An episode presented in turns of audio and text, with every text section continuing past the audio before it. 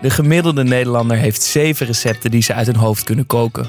Wij helpen je dat uit te breiden. Dit is het achtste recept. De podcast waarin wij, Kiriko Mechanicus en Jasper Gottlieb antwoord geven op de vraag: wat gaan we vanavond eten?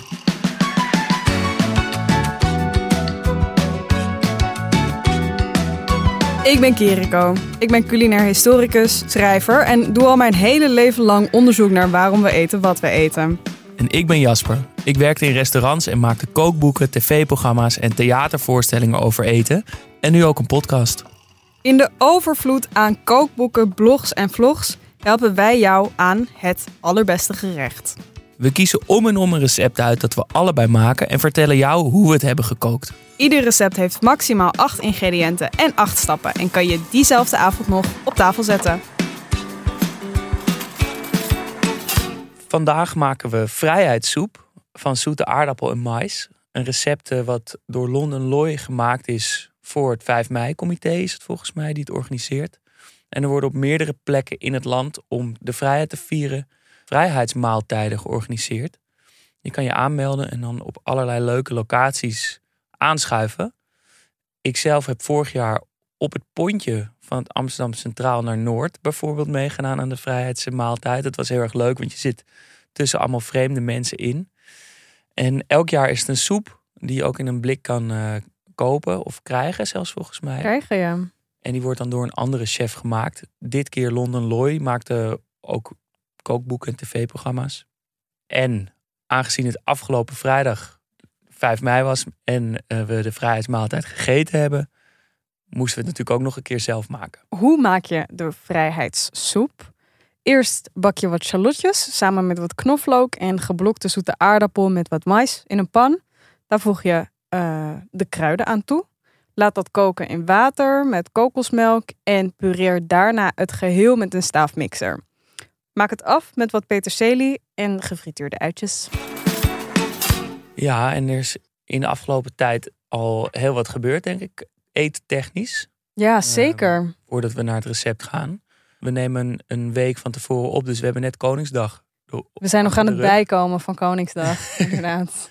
Had dat een grote invloed op hoe jouw eetweek verliep? Uh, ja, ik had wel voor het eerst een hele toffe uh, Koningsdagmaaltijd.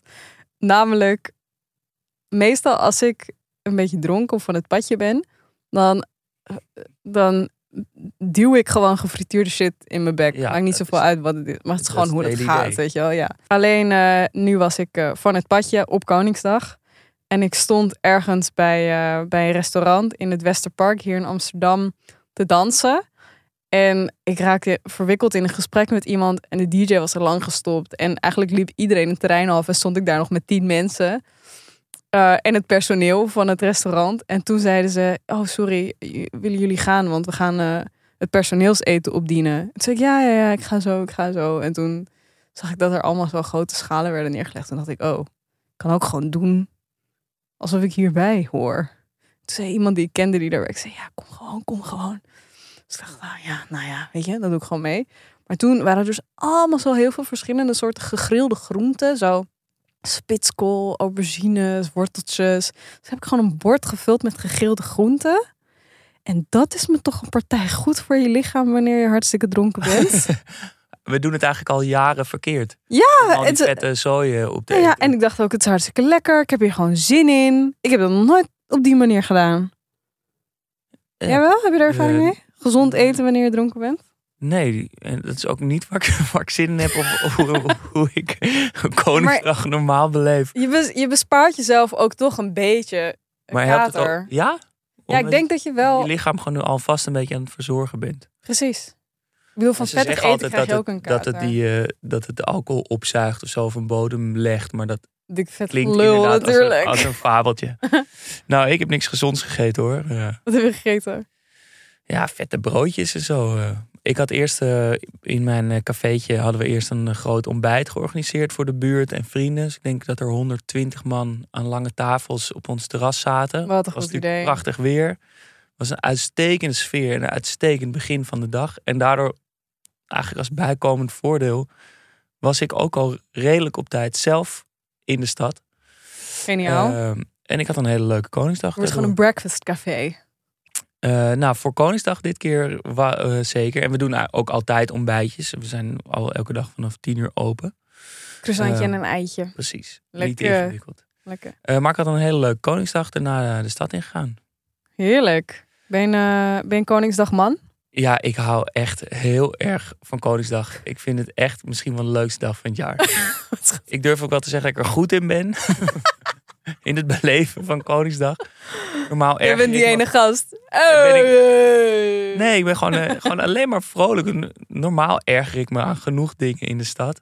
Maar op een of andere manier heb ik dan tegen al die pissende, dronken idioten heel weinig last. Ik beweeg me lekker vrij door de stad. Ik heb er vaste plekjes en rituelen. Nice. Eh, en meestal een heel goed humeur, goed humeur. En dat was dit jaar nou, even wat later dan anders. Maar ik, eh, ik heb er toch nog wel behoorlijk wat uitgehaald. Lekker zeg. Ja.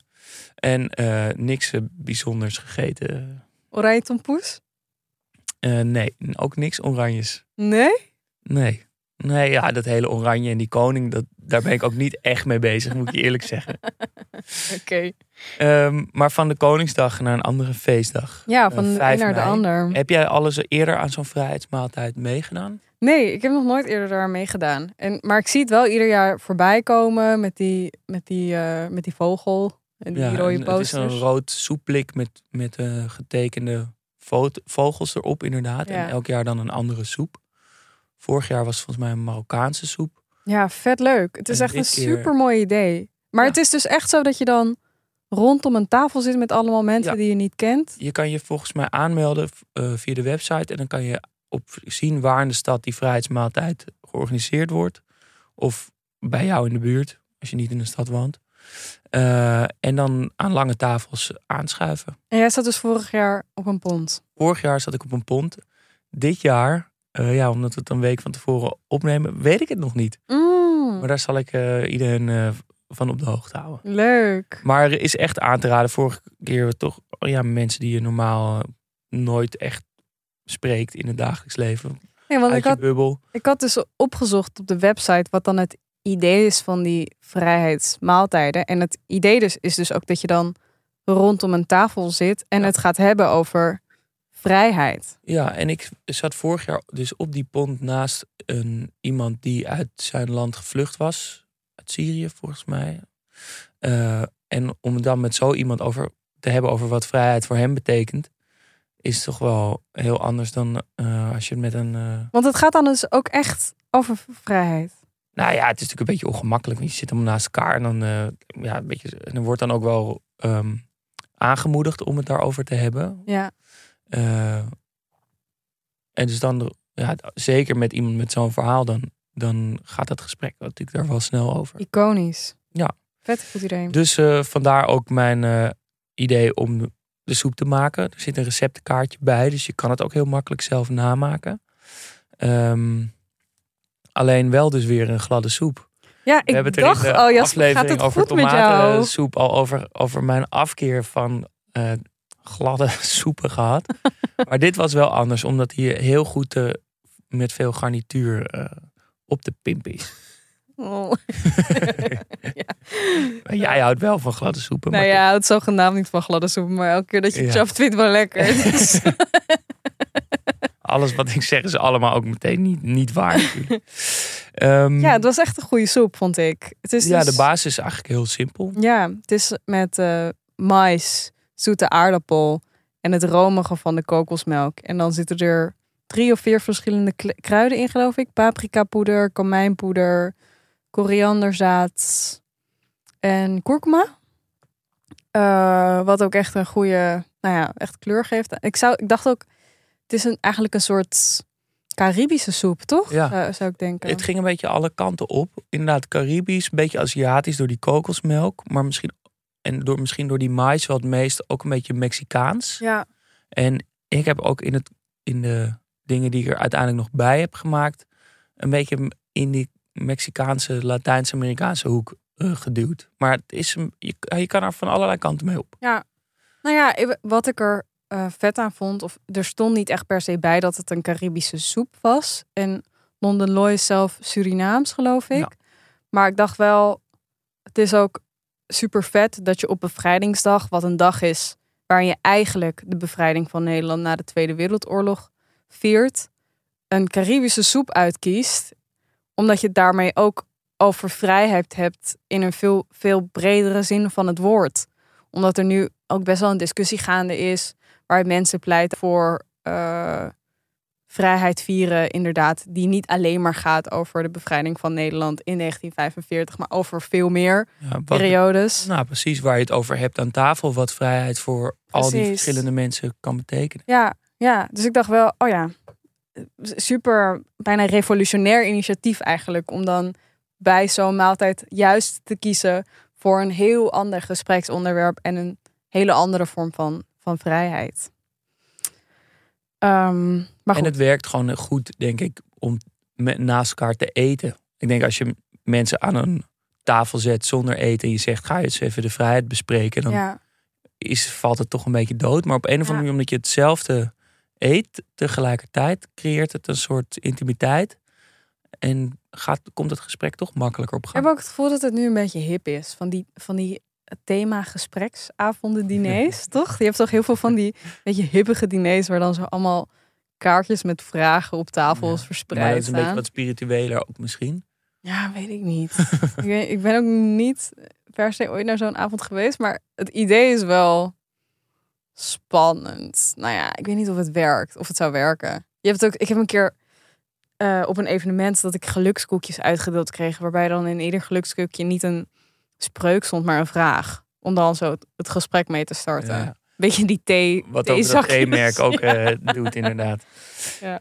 Uh, ja, dan voelt het een beetje geforceerd, aan de haren erbij gesleept. Maar hier, omdat het er zo over gaat en ook op 5 mei is, ja, klopt het heel goed. Hoe heb jij deze um, soep gemaakt? Ja, ik heb het dus een beetje in de uh, Mexicaanse hoek geduwd. Um, dus ik heb verse mais gebruikt. Uh, dus rauwe uh, mais aan de kolf. Die kan je er zo, als je die verticaal zet, kan je met je mes zo langs het harde binnenkantje, die, hoe noem je dat, maiskorrels eraf snijden. Um, die dus gebakken met, die, met de zoete aardappel en, en die uitjes. Maar ik heb een deel van die mais heb ik ook als garnituur gebruikt. Of garnituur, gewoon daarna eroverheen gedaan. En die heb ik heel hard in een pan gebakken. En dan krijg je een beetje van die zwarte plekjes erop. En dan krijg je een beetje rokerig smaakje. Ze gaan ook een beetje poffen. Zoals uh, ze poffen niet, maar ze springen af en toe de pan uit. Leuk. Een beetje zoals popcorn dan ook. Uh, en ik heb er koriander, limoen, uh, een paar partjes avocado uh, in gedaan. Je houdt van avocado, of niet? Nou, het is toevallig dat ik dat laatst ook, oh, ja. ook had. Probeer niet zoveel avocado te eten ook. Ik weet namelijk nooit of het nou wel of niet kan en hoe en wat. Dus, nou, ik, lang verhaal. Ehm, en ik heb er ook spekjes gebakken en die erin gedaan. Oh. We hebben nu ook zoveel vegetarische gerechten ja, gegeten. Dus sorry, ik beïnvloed je. ik had toch zin in een knapperig spekje er ook in. En dat rokerige van die soep uh, ging eigenlijk heel goed samen. Uh, en ik heb koriander in plaats van peterselie erbij Goeie. gedaan. Ik dacht dat stond in het recept, maar dat vond ik eigenlijk onlogisch. En ik snap het ook wel, want er zijn natuurlijk veel mensen die niet van koriander houden.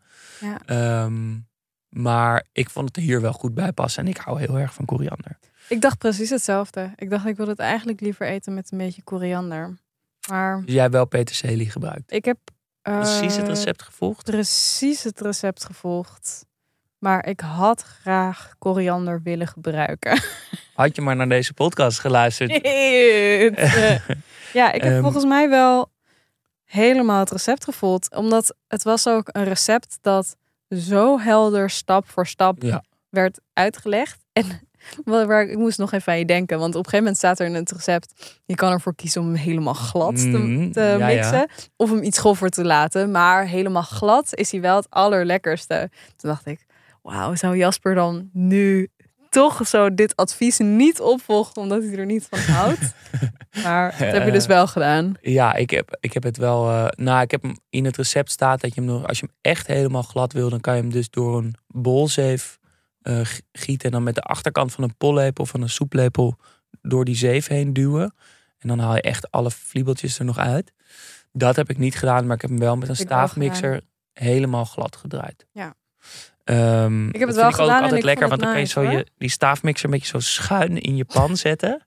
Ken je dat gevoel? En dan op een gegeven moment gaat hij trekken en dan zuigt hij een beetje zo die soep. En dan zie je het zo aan de ene kant die beetje grove zo erin onder dom, ge- gedompeld worden. En dan kwam dan aan de andere kant weer helemaal eh, glad eruit. Vind ik een lekker gevoel. Chill. dat heb ik een tijdje gedaan. Ehm, Maar nu En komen we weer op de eh, volgende kwestie. Namelijk, is een gladde soep genoeg?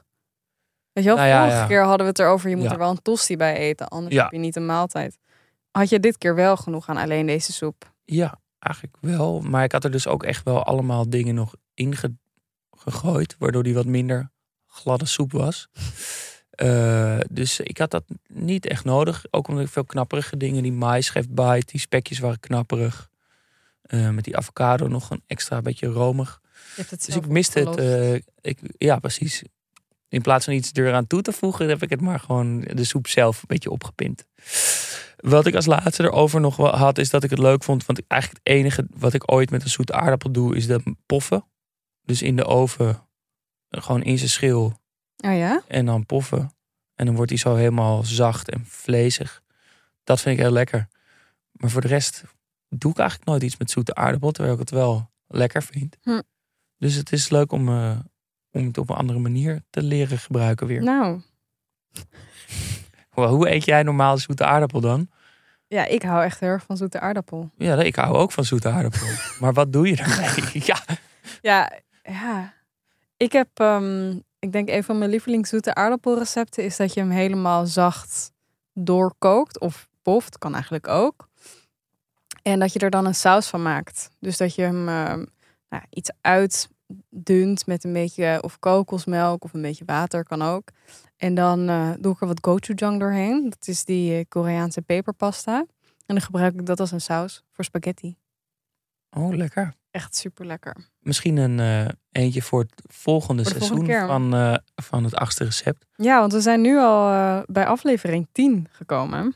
Het is voorbij gevlogen. Dat betekent dat het eerste seizoen erop zit. Ja, Maar ik heb, moet zeggen, ik, eh, terwijl ik de podcast zelf maak, zoals jullie ongetwijfeld weten, eh, eigenlijk. heb ik toch ook veel aan gehad.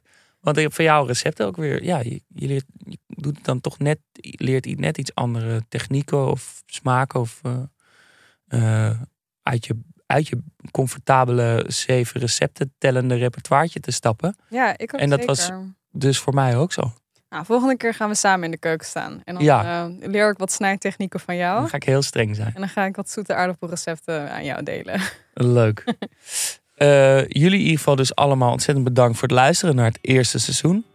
En, eh, Ehm, We horen jullie, eh, hopen jullie gauw weer terug te zien. ja, we, en we bedanken daarbij eh Volkert die ons heeft helpen maken van de, van de podcast. Onze lieve producent. Onze lieve Hey, hey, hey. producent. En natuurlijk ook dag en nacht media. Doei!